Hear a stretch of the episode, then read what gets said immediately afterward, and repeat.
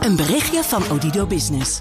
Hoe groot je bedrijf ook is of wordt, bij Odido Business zijn we er voor je.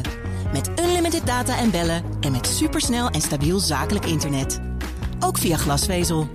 Ontdek wat er allemaal kan op odido.nl/slash business. Het kan ook zo.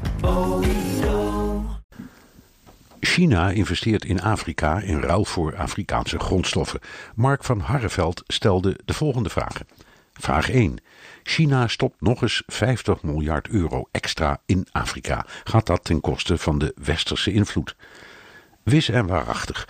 Onze ontwikkelingssamenwerking bestaat vooral uit projecten om de levensomstandigheden in Afrika te verbeteren. De Chinezen doen het anders. Ze willen de Amerikaanse grondstoffen in ruil waarvoor ze met goedkope leningen wegen, scholen, ziekenhuizen en woningen leveren. Er is enorme kritiek op, maar in Afrika zeggen de mensen: we hebben het nog nooit zo goed gehad en die Europese hulp geeft alleen maar narigheid met controle en toezicht. Chinezen doen niet aan controle en toezicht. Vraag 2. Meer welvaart in Afrika betekent minder migranten. Haalt China niet voor Europa de kooltjes uit het vuur? Daar zit wat in, maar is ook een probleem. De Chinezen verstrekken goedkope leningen of bieden tegen lage prijzen bouwprogramma's aan, maar als de ontvanger niet aan zijn verplichtingen voldoet, wordt het bezit automatisch Chinees. Dat doen ze nu ook in Europa. De Griekse haven Piraeus is op die manier in Chinese handel gevallen en in Azië en Oost-Europa spelen ook dit soort kwesties. Het wordt land grabbing genoemd, dus landje pik. Willen we dat alleen maar om van het migratieprobleem af te komen? Lastig.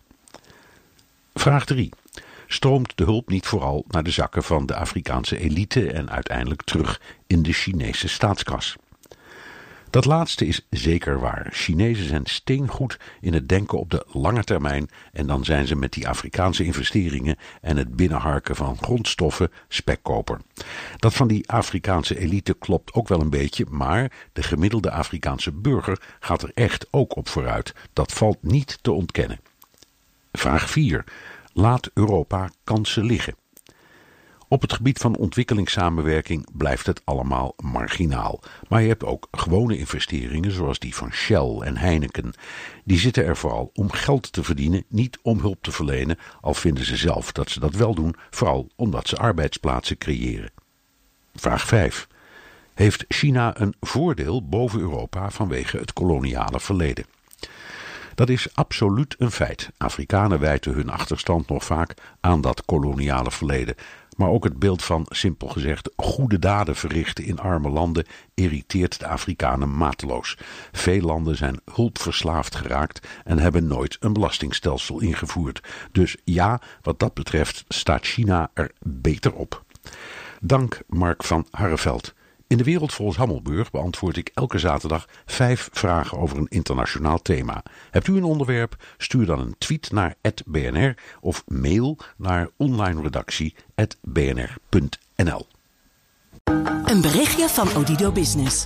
Hoe groot je bedrijf ook is of wordt, bij Odido Business zijn we er voor je.